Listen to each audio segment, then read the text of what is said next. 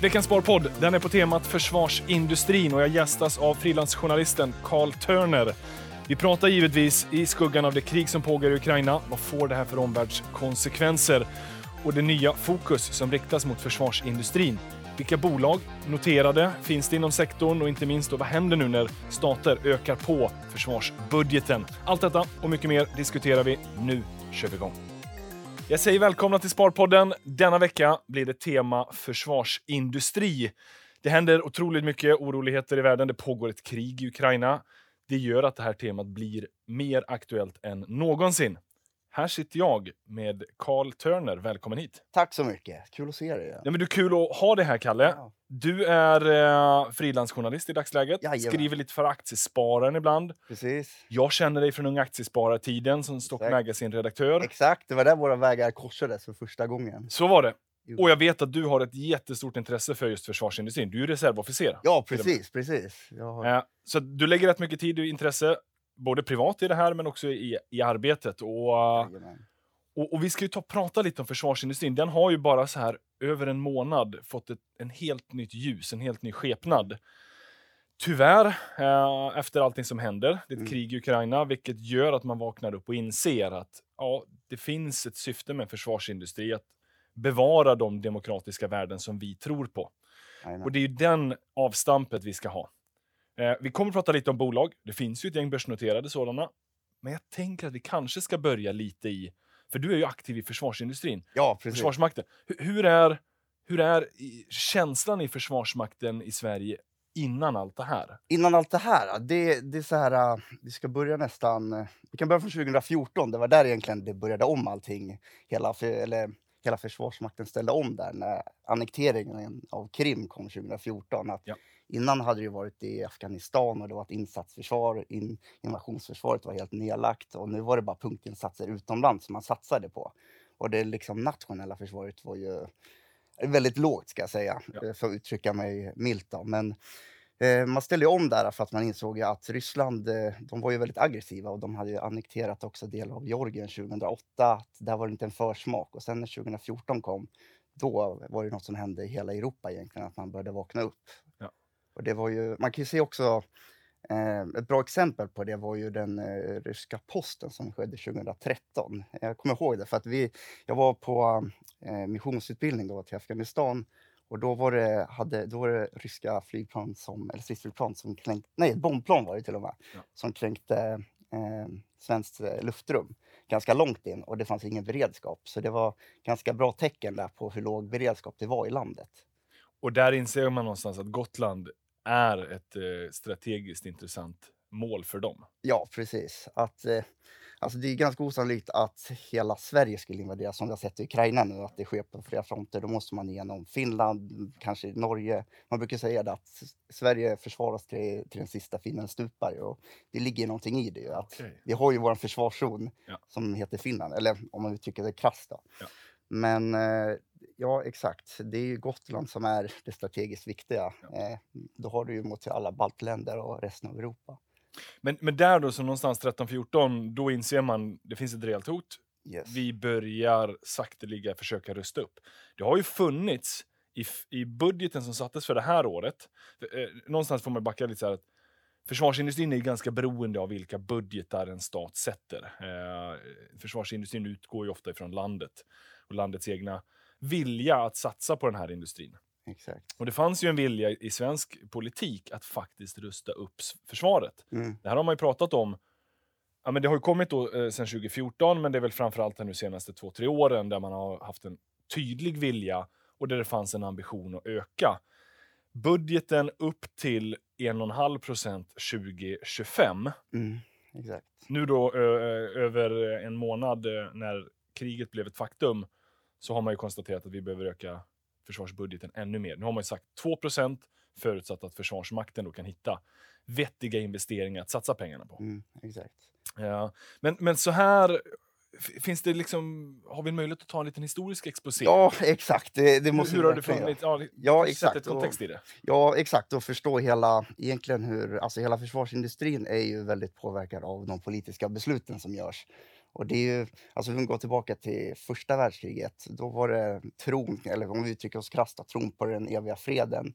Man rustade ner och sen så kom andra världskriget.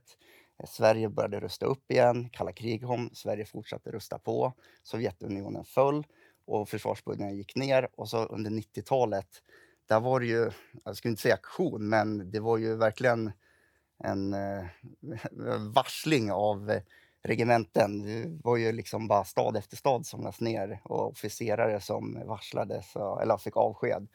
Och eh, sen så började man ju se att eh, ja, Ryssland började trappa upp igen eh, när Putin tillträdde och han ville bli en form av stormakt igen. Och han ville ha sina buffertzoner mot Europa som vi kan se att han har byggt på ju, en säkerhetszon mot Nato. Och eh, det är så det ser ut oftast, att det, det svänger väldigt kraftigt. Ja. Och eh, det man kan säga också är ju att eh, eh, de, eller så här, om vi säger så här, att det är oftast precis det Henrik Sydow var inne på när han var här, eh, vad var det, två, tre veckor sedan? Nej, det var förra veckan. Var det förra veckan? Ja. Ja.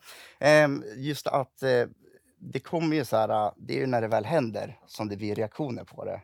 Och det är ofta så ja, de politiska besluten fattas. Att nu är det ju, förut var det ju ingen som ville gå med i Nato mer mindre och nu vill ju alla det nästan. Så det svänger väldigt mycket efter ja, när det väl har hänt.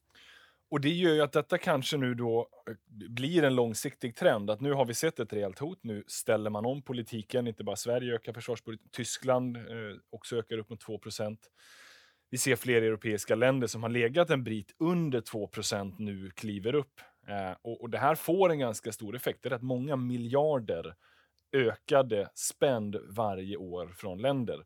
Det gör ju att då försvarsindustrin den, den får en större en större bas, eh, hö, högre omsättning kort och gott. För att eh, Mm. det är försvarsindustrin som kommer att föda de här ökade budgetsatsningarna. Så är det ju verkligen. Men, men någonstans säger du att det har varit då lite eh, ganska trendande neråt sedan 90-talet, Sovjet föll. Ja.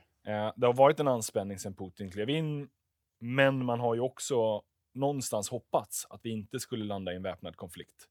Nej, precis. Och jag tror väl, det känns som ingen var riktigt beredd på det, att Nej. han väl skulle gå in och invadera. Nu hade han ju mer ja, men, ja, annektering då, av olika delar av Ukraina och det liksom fick vara så lite. Det var status quo, det hade varit lite ekonomiska sanktioner och nu har han ju ja, fullinvaderat. Men, men vad är dina tankar? Tror du... Eh, Na- NATO-frågan är ju högst aktuell här. Ja. Jag vet att du både... Eh, du är ju svensk försvarsindustri, men jag vet att du följer Finland också ganska Ja, väl. exakt, exakt. Har du någon känsla för eh, var tror du Sverige tar NATO-frågan? Ehm, Vad är känslan i Försvarsmakten? Du som ändå så här, Ja, men så här, människor där inne? försvars, eller så säga, de flesta i Försvarsmakten har varit väldigt positiva till Nato. eh, Alltså, eh, jag vet inte, så länge jag har varit där sedan ja, 2019. Och det är just att då får du ju, ja, du får ju med anslag. Det ska upp till 2% och du får ju med på övningar. Och I dagsläget är ju Sverige NATO-kompatibelt. Att vi är egentligen så nära NATO-medlem det går. Ja. Men vi vill inte ta steget riktigt. Och det är lite där vi står. Alltså nu är ju, för nu är ju problemet att Ukraina var ju inte heller med i NATO. Nej. Men eh, de var ju ändå ett västland ju. Och de har inte fått någon form av militärhjälp som man faktiskt behöver. Ändå att det har skickats olika vapen och Ja, ja och, och det är ju det enkla svaret är ju att man vill inte landa i ett storskaligt krig. NATO Exakt. vill ju inte bli inblandade, för då blir det en direkt konflikt med Ryssland. Och vart det trappas upp sen, eh, det går inte att förutspå. Nej, precis. Men Sverige och, Finland har inte invaderat. Sverige eller Finland är ju inte i en krigssituation, så därav är ju ändå NATO-frågan aktuell. Ja, Men, men det, finns då, det finns en historik i båda våra länder Mm. av att inte eh, liksom, ta en sån tydlig ställning. Sverige framförallt har väl drivit den här alliansfrihetsfrågan. ja precis. Och du, det Finland ändå har gjort en ganska stor skillnad mot Sverige, det är att man alltid haft en dialog med Ryssland. Just för att de har ju... vet Så nära. Ja, exakt. Det, det är ju liksom Ryssland diktan mot landet. Och de har ju sin historia med sen andra världskriget också. Att de har hela försökt hålla goda relationer med grannen, vilket Sverige ibland har ju sagt nej till Ryssland i vissa frågor och haft mer frostiga relationer. Ja. Så det är det som är den stora skillnaden också. Men eh, ja, jag vet ju inte hur politikerna tänker, men de har alltid pratat om att om ett land går med så kommer andra landet också gå med. För att, Ja, eh, vi, är, vi är ju båda ganska sammankopplade kulturellt, eh, Sverige och Finland. ja, exakt. Det, det blir, det här kommer att vara en ganska stor fråga att debattera, framförallt nu när vi också har ett riksdagsval i Sverige.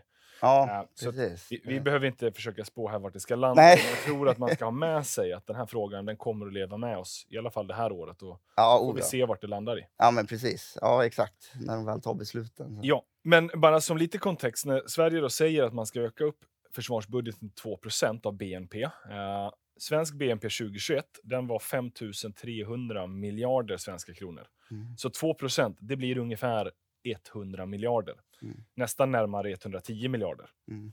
Så det är ganska mycket pengar. Verkligen. I dagsläget eh, så då har man någonstans kring, eh, jag tror att det är 60 miljarder eller någonting sånt. Så att Ja, exakt. det blir en ganska stor ökning med rätt många miljarder. Förutsatt att man hittar ja, investeringar som Försvarsmakten kan göra. Ja, men precis. Och nu var det ju, sa de ju att de, ja, de skulle upp till 2% men de visste inte exakt vilket årtal det skulle ske på. Att eh, ja, ÖB ville ha lite mer, överbefälhavaren ville ha lite mera tid på sig och kunna göra en seriös eh, Ja. plan på hur det ska satsas. Ja, för det, det ska man säga, det är inte en enkel grej när du har haft en organisation som har nedrustats under en lång tid och vända den trenden. Ja, Eh, det finns ju lite i väggarna den här känslan av att det här satsas det inte. nej, Och det behövs ju hela vägen ner till enskild soldat och officer att få igång den här känslan av att jo men visst, Sverige ska rusta upp och, och liksom förstärka vårt försvar. ja, men precis. Eller har jag fel i den? Nej, nej, det är rätt. Och vi, jag vet inte om vi säger att, att vi är så på det sättet kanske lite fredsskadade eller nu har haft fred i 200 år. Och, alltså, vi ligger ju också väldigt bra geografiskt. att Vi har ju så många länder runt om oss. Ja. Så att eh, liksom, ja, invasionen är inte lika påtaglig för oss. Ju. Och vi blev ju inte heller invaderade under världskriget. Så vi har ju, vi har ju inte en tradition liksom, av det. Så kan vi lugnt säga. Men, men trots detta så har vi ju ändå eh, lite bolag Mm. på temat försvarsindustri. Jag vet att du har varit och besökt något bara här i veckan va? Ja, i förrgår var det faktiskt. Ja. Du- W5 Solutions nere i Älmhult. Det måste vara ett mindre bolag, typ noterat Spotlight eller First North. Exakt, ja First North tror jag det var. Ja. Och eh, de ja, introducerades precis i slutet av förra året. Så, Ah, Okej, ja. ja. Vad sysslar de med? Eh, ja, det är det här som är lite roliga. För att eh, när man tänker försvarsbolag är ju just att eh, då tänker man ju lätt vapen och gevär och bomber och granater. Men de, alltså e- egentligen deras så här, kassako, det är ju live fire training. Alltså, ehm, vad säger man, automatiska måltavlor Ah, som man fäller upp och ner. Och Ja. Du har ju också varit i försvaret, så du, du har väl hört kanske om Saab-mål. Då. Jag kommer ihåg de här stora man fick konka runt på när man skulle sätta ut Ja, ja, just det. Sen en eh, pappskiva som man skjuter på. Exakt, exakt. Och så går det ner och nu blir träffad. Ah. Och de står för underhållet på Ja. dem. Och eh, det här, de, de gillar att det heter W5-mål nu för tiden. Men i Försvarsmakten säger man Saab-mål då, för att det är det som är traditionella. Ah, okej. Så ja, De sysslar med det? Den här Eller liksom... det, det är deras stora och det de gör är att de håller på med, eller de sköter underhållet av dem och driften av dem. Så vi, jag var ju där i fabriken och eh, de hade alltså pallar så han sa att det är egentligen bara att gå ut på lagret och titta hur mycket pall vi har och se hur bolaget går. Ja. För att har vi mycket pallar, då har vi mycket att göra. Ja. Så det är det som är deras eh, ja, mat och potatis kan vi uttrycka det. Sen så har de ju också mm, investerat nu i eh, VR också. Eh, alltså det var ganska häftigt. De visar film. Att, tänk dig att det är eh, åtta löpband i en cirkel. Ja. Och sen springer du runt i ett VR-system då Jaha. och tränar sju, eller, vad heter det, alltså vanliga övningar Ja. som du gör. Och eh, det är så här, det är en väldigt tidig marknad, men de, de menade på att eh, det gäller att vara där nu för att det här är framtiden. Ja. För eh, om vi kollar så här på, eh, säg så här nu att eh, Försvarsmakten köper in det, om vi ska kolla potentialen i det. Att eh, du, du vet ju också att eh, om, vi, om vi åker på en eh, skjutövning eller någonting så har det ju, det går ju åt jättemycket manskap. Det, du ska samla hela truppen, det ska vara massa befäl som är med och styr och det ska vara olika säkerhetsgenomgångar och folk som har kontroll över skjutfältet. Men kan du då samla alltså folk på eh, ja, deras VR. Exakt, alltså det är väldigt kostnadseffektivt. Ja. Så det är det de hoppas på. Samtidigt är det ju inte verkligheten. Även om man kan simulera verkligheten så är det ju någonting annat. E- Eh, Exakt. lite som du var inne på, jag har ju själv gjort uh, militärtjänstgöring. Nu när jag tänker på det, jag tror att vi till och med setts någon gång ute i fält. Det har vi. Det, det var Aurora 17. Ja, det var det. Ja, oj. Till och med. Ja, Eh, spännande. Ja. Eh, Det var ju ett tag sedan, det var ju ganska länge sedan jag var inne och eh, Ja, du, du, du gör inte din plikt längre. Alltså. Eh, nej, men det har ju inte varit någon Nej, övning ännu under covid. Vilket ja, kan ju också kännas lite så konstigt i efterhand. Att covid ställde in det, nu fattar jag också. Det var, ja. Ja, Men det var någon övning planerad vill jag minnas. ja. Vi får väl se, det händer säkert någonting framöver här. Mm. Men det jag skulle komma in på var ju att det finns en sak i VR och en annan sak i verkligheten. Att, Så är det ju eh, verkligen. Försvarsindustrin är ju en rätt fysiskt krävande verksamhet. verkligen. Man bär tung materiell utrustning. Ja. Eh, och för den enskilde individen är det ändå ganska... Verkligheten är rätt jobbig. Den är rätt obekväm. Exakt. Men det är likväl, alltså det finns ju ett syfte att, att, att öva. Ja, precis. Och det var det de menade, så att det är klart att det kommer ersätta de praktiska, men det är mer att, eh, att du kan öva, ja, men du, ska in i låga ställningar och Ja. du ska lära dig egentligen bara hantera vapen av olika slag. Och det var det de var inne på, att det, det kan vara ett komplement till det, Ju- Just det. till det riktiga. Att, Ja, men det, det finns ju några inom försvarsindustrin. Mm. Eh, Saab är väl den man tänker på. Det är ju det Ja. stora bolaget i Sverige. Som, exakt. eh, där flaggskeppet då kanske är eh, eh, JAS Mm. Gripen-flyget. Men de gör ju även, eh, nu höll jag på att säga, men eh, ammunition. eller? Ja, de gör, alltså, de, gör, de gör fantastiskt mycket. Ja. Och, eh, eh, ja, jag skrev en artikel faktiskt bara när- innan, vid jul tror jag det var, eh, just om försvarsindustrin. Att, Ja. Heter det, ja, an, eller världsspänningarna som var där, att det gynnar ju bolagen. ehm, just för att, ja... Det, ja Då hade man i och för sig inte anat att det skulle bli ett Nej, storskaligt krig. exakt. Nej, nej, precis. Men, men du, jag jag kommer ihåg att jag läste den där artikeln i december eller någonting. Ja. Det fanns ju anspänningar. Det har det funnits över tiden. Men, precis. men, men väldigt bra. Men om vi ska snacka lite om vad, är det som Ja, har för olika verksamheter? Ja, men så här, ja, för att det är precis, eller det första man tänker på är alltid JAS Gripen. Och Ja. det var även i, i deras huvudkontor har ju de en utställning och där står ju den i mitten och är verkligen ja, skyltfönstret för allting. Men hela den, eh, alltså flygdelen står ju för 20 procent. Ja. Och sen har du ju typ eh, radar de väldigt stora på. Du kanske har sett giraffen? Ja, just det. där, ja, som de har och det är samma alltså vapendelen. Nu är pansarskotten som skickades 5000 stycken till Ukraina väldigt aktuella. Ja. Men eh, deras största eh, flaggskepp där är ju Carl Gustaf, granatgeväret. Ja. Och de är ju, alltså utomlands är det väldigt väl ansett, eh, Carl Gustaf-geväret som har kommit eh, olika uppdateringar. Och det glömmer man lätt att eh, de har, det står för 20 procent, sen har du ubåtarna, jag tror de står för ish 10 procent. Ja. Och det finns, eh, ja, sen har de ju service och underhåll. Eh, Så det finns, ja, det finns mycket i det bolaget som man, man ska inte bara stirra sig blint på, eh, på det stora. nej. Nej, precis. Och, eh, och, och historien bakom Saab är ju att det finns, eller det fanns en ambition, jag tror att det var efter första världskriget va? Nej, andra, eller, eller innan jo, andra exakt, ja exakt, det är rätt. I Ja, spänningarna precis. inför andra världskriget. precis. Som ett samarbete mellan svensk stat och näringsliv. Så storägare i Saab är ju fortfarande Investor. Mm.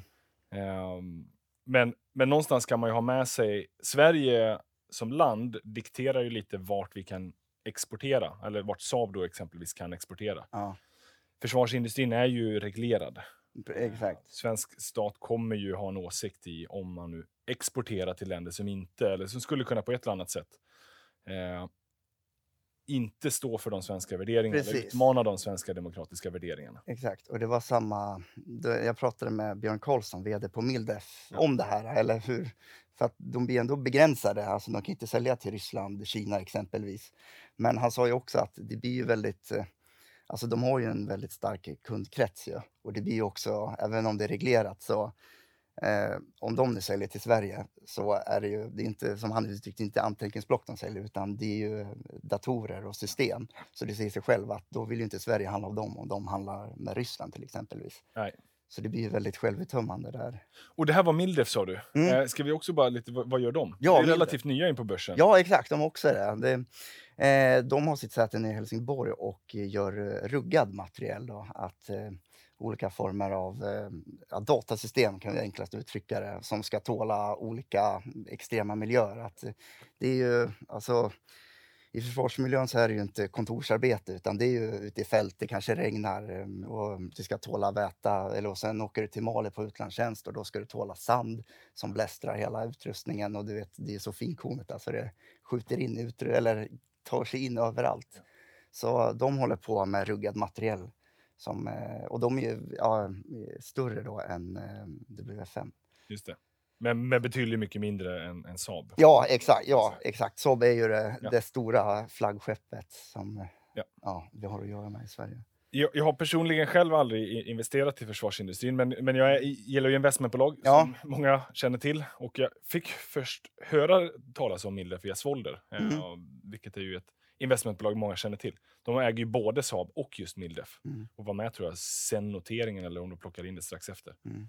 Eh, men det är väl de bolagen som finns. Eh, det finns ju säkert några fler på svenska börsen. Ja, jag skulle vilja tipsa om ett Ja, till. ja. Du, det var faktiskt min kompis som tipsade. Jag hade ingen koll på det. Men Ozon, alltså O-V-Z-O-N, ganska litet bolag. Eh, de håller på med... Eh, ja, vi kan uttrycka så här. Tänk dig Elon Musk Starlink, alltså internet, Ah, just det. satelliter. Ja. Så det var de, precis det jag tänkte säga, att jag för mig att det var satellitbolag. Ja. Ja, precis. Så, så det finns ju, det finns ju alltså väldigt olika delar av försvarsindustrin där, eh, som jag nämnde också innan, att där har du ju de som håller på med satelliter och kommunikation, då, dels till ja, olika tra- transportflygplan eller JAS. Så där finns det också lite man kan ta av, även om de inte är så pass inriktade som vi pratat om Saab, Mildef och W- W5 Solution. Och sen finns det ju, man kan väl säga någonstans att det finns en uh, närliggande sfär, alltså ta ett bolag som Invisio, Mm, ehm, eller om man till och med vill så här microsystemation. exakt. Eh, det här är ju mer bolag inriktat på säkerhet och mjukvaror. Ja. eh, men, och inte nödvändigtvis försvarsindustri, men ändå så här, säkerhetslösningar för myndigheter skulle kunna användas i försvarsindustrisyften och så vidare. Ja, absolut. eh, det finns näromliggande bolag. Nu är, eh, varför vi pratar om det här är ju mer bara för att öppna upp för eh, investerare att det finns en sektor där ute eh, som är Oh försvarsindustrin och den kommer få ett ökat intresse nu i och med att eh, försvarsbudgetar stiger. Ja, precis. Sen eh, hittade jag också ett norskt bolag. De här känner inte jag till så Åh, mycket. Ja, nej, inte jag heller. Men det är ju Kongsbergsgruppen. Ja. De är ju börsnoterade i Norge, men där är ju norska staten absolut största ägaren. Mm, Jag tror att de närmast är att beskriva som en Saab-motsvarighet, fast i Mm. Norge. mm, Så gör mycket försvarsindustri, eh, ammunition med mera. ja. Jag, jag hade ingen aning om dem sen tidigare innan jag började researcha lite inför avsnittet. ja. Jag, jag har aldrig varit inne på norska marknaden faktiskt. Nej, nej, men då har man nog gått förbi det lite. Men de har typ i samma storlek som Saab. Okej. Så Ja, också ett, ett relativt stort, stort liksom. ja. Annars är det ju USA, eh, om man vill hitta ledande Ja. bolag i världen. ja, och det är det vi också ska nämna här när vi pratar Saab, så är ju Saab en... Ganska liten. Ja, att eh, alltså USA, bara vi kollar på militära utgifter, de står för att, att eh, 40 procent tror jag är av alla militära utgifter och Ja. tvåan, Kina har en tredjedel av utgifterna. Så Ja. det är där industrin ligger på riktigt. Och några av de här större bolagen, eh, Lockheed Martin, Exakt, är ju eh, motsvarigheten till JAS Gripen. De gör ju också stridsflygplan. precis. Gör säkert väldigt mycket mer också som jag inte har någon aning om. Men Ja. det är väl de jag tänker på i alla fall när jag tänker på det bolaget. Exakt.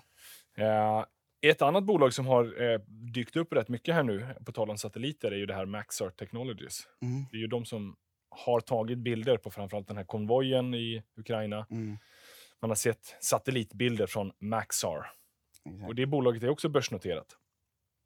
Man ska väl säga att generellt sett, jag har kollat lite på de här aktierna och många av dem är ju, har ju gått upp eh, från årsskiftet sett. Ja, De sätts ju nu i ett helt nytt ljus, ja, exakt. eh, vilket gör ju att intresset från investerare har svängt om. Precis, och det, det är det här som alltså det, är intressant för att det här vi varit inne på att det här har egentligen det har du kunnat se ju sen 2014 när, det, när Krimhändelsen skedde att det var ju då det började trappas upp och det här har, det är ingen nyhet om du frågar eh, till exempel våran ÖB att eh, det här har ju varit under längre tid utan det är som du säger, det är nu verkligheten har kommit ikapp Ja. hela samhället. Och, och för investerare så har ju det länge ansetts, alltså försvarsindustrin har ju varit lite eh, svartlistad eller eh, ur i alla fall hållbarhetsperspektiv. Mm, Det kom en ny eh, taxonomi i EU mm, där man då inte heller eh, lyfter upp försvarsindustri utan snarare ses det eller sätts i samma dager som snus, eh, bettingbolag, mm, andra sådana här tydligt ohållbara. Och jag kan ju förstå andemeningen. Eh, Ja, vi alla vill ha verkligen, en fred. Eh, Ja. Ingen önskar egentligen krig, nej. tänker jag. Ja. Eller ingen här i alla fall i västvärlden. nej, I precis. våra demokratiska samhällen önskar det. Mm. Men det någonstans blir tydligt här nu att det finns det finns ett uppvaknande och det finns en anledning att försvara de demokratiska värdena vi står för. Ja, verkligen. För du som ändå har följt det här, hur har du, Ja. hur har du tänkt när man har liksom smutskastat det här lite? Ja, jag, jag måste ju erkänna också att jag är ju lite alltså, nyanserad eller skadad om man nu uttrycker så. Att, eh, jag kommer ändå från Försvarsmaktshållen som har indoktrinerat sig att eh, landet försvaras med vapen och det, det är så det är. Men eh, det, det vi ser nu ju, det är just det här att all, de demokratiska värdena för att vi ska kunna ha ett ESG eller hållbarhet, och så här, det bygger ju på att vi har ett demokratiskt fredligt samhälle som nu har setts i gungning. Och då blir det ju... Eh, jag var på en jättebra föreläsning för massa år sedan eh, som beskrev det här beteendet vi ser just nu. Att nu, nu börjar alla rusa till försvarsbolag helt plötsligt. Att det är, man pratar om det här fårflocksbeteendet. Att fårflocken, när de inte är nära vargen, då hatar de vallhunden. Men när vargen kommer så rusar de till vallhunden för skydd. Och det är lite så det fungerar, hela den här logiken som eh, är ganska viktig att ha med sig. Men eh, jag köper ju ändå resonemanget att eh, det är ingen som vill ha krig och i ett fredligt samhälle så ska vi inte ha vapen. Så är det ju. Men nu, nu blir det påtagligt att Ryssland har, har ju rustat upp sitt Ja. försvar under en lång tid och nu nyttjar den. Ja, Eh, exakt. hur tänker du kring hela kärnvapenfrågan? För den är ju också en sån här en, en- en jobbig eh, Ja. joker i alltihopa. Att det, det är det ultimata vapnet som inte får användas. Mm. För att när vi väl börjar trappa upp dit, då finns det inget slut och då finns det inget liksom, stopp. Nej, exakt. Och det är det också som gör eh, alltså, speciellt Nato så rädda för att gå in Ja. och angripa Ryssland eftersom att han har ganska uttryckt att eh, ja, vi vill inte ha med att göra i den här konflikten. Att Ja. Han har ju visat förut att han är oberäknelig just. Han invaderar Ukraina Ja. och vad kan han ta till nästa steg när han blir desperat? Så ja, det är ju ja, tyvärr är det en verklighet vi har att leva med. Nej, och, och vi hoppas att, eh, eh, förutsatt att vi aldrig ska behöva landa där. Nej, exakt. För att det är... Och det här har ju varit ett av de större argumenten för en evig fred. Att Mm. vi har nu uppfunnit vapen som är så pass avancerade att vi kan spränga oss själva Mm. 48 gånger om. Ja, Att det finns ingen anledning längre att kriga. nej, exakt. Eh, den idén har väl satts lite på, på spel nu när det ändå faktiskt krigas. Det finns det här övergripande hotet. Ja. Används inte än, som tur är, men den ligger ändå där. Exakt, och man har också pratat länge här om att det har varit en gråzonsproblematik. Att eh, det har varit något form av krig, men man vet inte riktigt, är det ett krig eller eh, Ryssland erkände inte att de hade sänt trupp eller separatister som eh, sa till, till Krim där, att eh, det var ju såna här gråzonsproblematiker man inte kunde förstå riktigt i vilket läge det befann sig. Men det har ju också sopats under banan nu att nu är det ju ett fullskaligt krig vi har att göra med. Ja, ja. Men eh, Kalle, hur, hur tänker du eh, som investerare? Ja. Eh, hur analyserar du försvarsbolag? Eh, vad, vad liksom, hur går tankarna? Mm, eh, det, det jag, eh, ska se, for the record, jag tror jag hade Saab, vad kan det ha varit? Fem år sedan tror jag hade dem Ja. senast. Och sen äger jag som du då också investmentbolag då, som ja, delägare på något sätt. Ja, indirekt via Investor. Exakt, ja. Men det är de som får sköta förvaltningen. Ja. Men eh, jag brukar alltid göra så här att eh, man måste ha klart för sig att de sitter på långa kontrakt. Och vi kan ju se till, vi kan ju ta Saabs eh, eh, Gripen-affär som var i Finland. De hade eh, chans på 10 miljarder euro som sträckte sig till 2060. De skulle leverera, kommer inte ihåg, det var 60 plan och två Global Eye-plan, alltså övervakningsplan. Eh, och eh, ja, det skulle vara till 2060 och benämndes som en av de största industriella affärerna i Sverige. Och det man måste bara förstå, alltså komplexiteten i branschen då, det är att Eh, då ställs ju krav på att eh, de ska kunna ha en produktion i Finland och de, för att i händelse av krig, ska kunna producera eget. Eh, och det var ju som Wallenbergarna var där, statsministern var där, så det visar ju på tyngden som verkligen kan uppstå om, ja, nu pratar vi Saab, extremfallet då. Men eh, man måste förstå att det är långa kontrakt man sitter på. Att eh, ofta sträcker W5 Solution har typ ja, två till tre år som de har i snitt. Ja. Att det är ingen månadsabonnemang eller liknande man kan säga upp. Att, eh, tittar du på kvartalsrapporter blir de ganska svåra att svara på för att de kan ha fått in ett stort kontrakt som drar upp hela Ja. eh, det kvartalet. Att det har gått jättebra om det jämför med föregående år. Så jag brukar då titta på helår och sen så brukar jag också gå in och kolla på hemsidorna. För där brukar de vara ganska öppna med vad har de för eh, samarbete eller affärer med andra försvarsmakter. Och sen så brukar jag också kolla på, har de några civila aktörer också? Så här, kan du, kan du eh, minimera risken lite i alla fall, att du bara är mot eh, försvarssektorn, så är det väldigt bra. Ja, men bra tips. Ja. Nej, men på tal om det här med liksom långa kontrakt. Mm. Det gör ju att införsäljningen blir svår. Mm.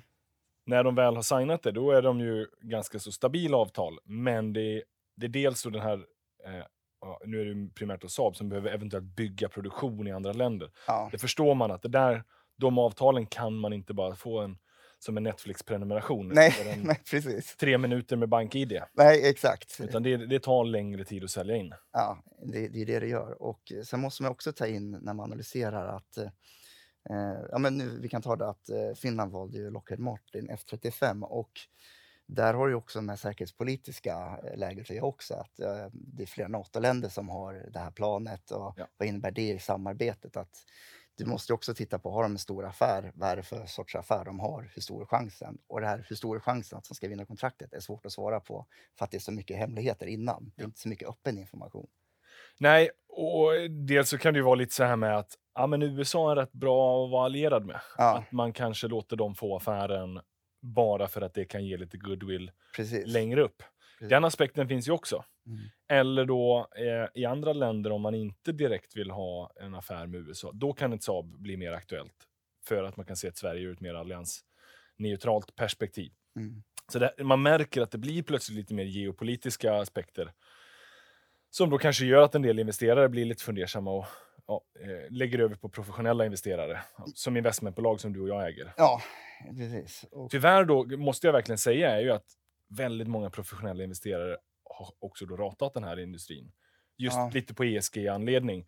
Som man nog, nu då får kanske lite smäll på fingrarna och mm. förhoppningsvis kommer att se i lite nytt perspektiv. Ja, precis. Och SEB gick ut väldigt snabbt med att de nu kunde investera i... Ja. Efter att ha dragit bort det i alla fonder, så nu kan man äntligen investera igen. Ja, exakt. Så det kommer nog komma en förändring över, ja. över tid där också. För att det är lite jag pratade om att om vi bara uttrycker oss krasst och hypotetiskt nu, att vi säger att eh, Putin störtas, han går bankrutt och de har en ny ledare som blir mer liberal mot västvärlden. Eh, för vi ska komma ihåg det att det skedde ju viss del av samövning med Ryssland under 00-talet när det var som mest fredligt mellan länderna. Jag säger inte att det var stora övningar, men man åkte bland annat och hälsade på varandra och hade ja, utbyte. Det skulle ju aldrig ske idag.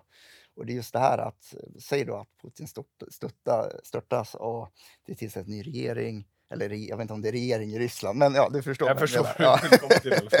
Ja, Ja. att då finns det ju risk att hela den här äh, industrin dyker igen om några år. Men ja, så ser inte läget ut. Men det här måste man ha med i riskbedömningen. För att det är som du säger, man måste ha med det säkerhetspolitiska läget också och se Ja. vart det kommer leda någonstans. Och det är ju eh, en risk som skulle vara för mänskligheten ganska trevligt. Men eh, så det blir lite av en, ja, men av en säljoption. Mm. Eh, Exakt. går, går det sämre, vi behöver trappa upp försvarsindustrin, ja, men då kommer det gynna försvarsbolagen. Mm. Men istället får vi en mer fredlig omvärld, mindre geopolitiska störningar. Ja, då missgynnas det. Men då får man vara glad över att vi i alla fall får en fredligare värld. Exakt.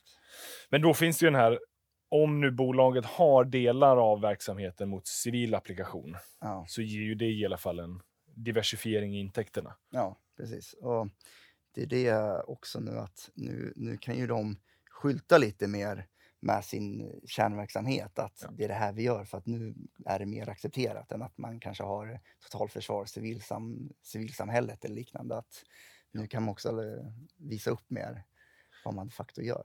Det, det kommer absolut eh, vara en fördel för dem. Att de kan vara, li- kan vara ännu mer transparenta. Bolagen har inte varit otransparenta, utan det har bara varit att det, man har inte liksom varit så öppet att prata om det Nej, i Sverige. Nu kommer det bli lite mer. Jag tror att oavsett vilken eventuellt regimbyte vi får i Ryssland eller inte, Mm. så kommer man ju öka totalförsvaret i Sverige. ja, Ja, nu kommer vi ju initialt här att öka försvaret och ger mer budget till försvaret och anställa personal och ammunition och med mera. Men att man kommer kanske öka på civila beredskapen lite mer. det, det, I händelse av. För den har vi också varit ganska slöa på. ja, det såg vi bara med coronakrisen. Där med, Ja. Finland hade ju beredskapslager av, av rang som vi i Sverige stod med byxorna nere mer eller mindre. Att Ja. Man börjar inse värdena av det. Att ha ja, lager som vi hade på den gamla goda tiden vill jag inte säga för jag levde inte då. Nej. Men under kalla kriget i alla fall så hade vi Ja. en annan form av Ja.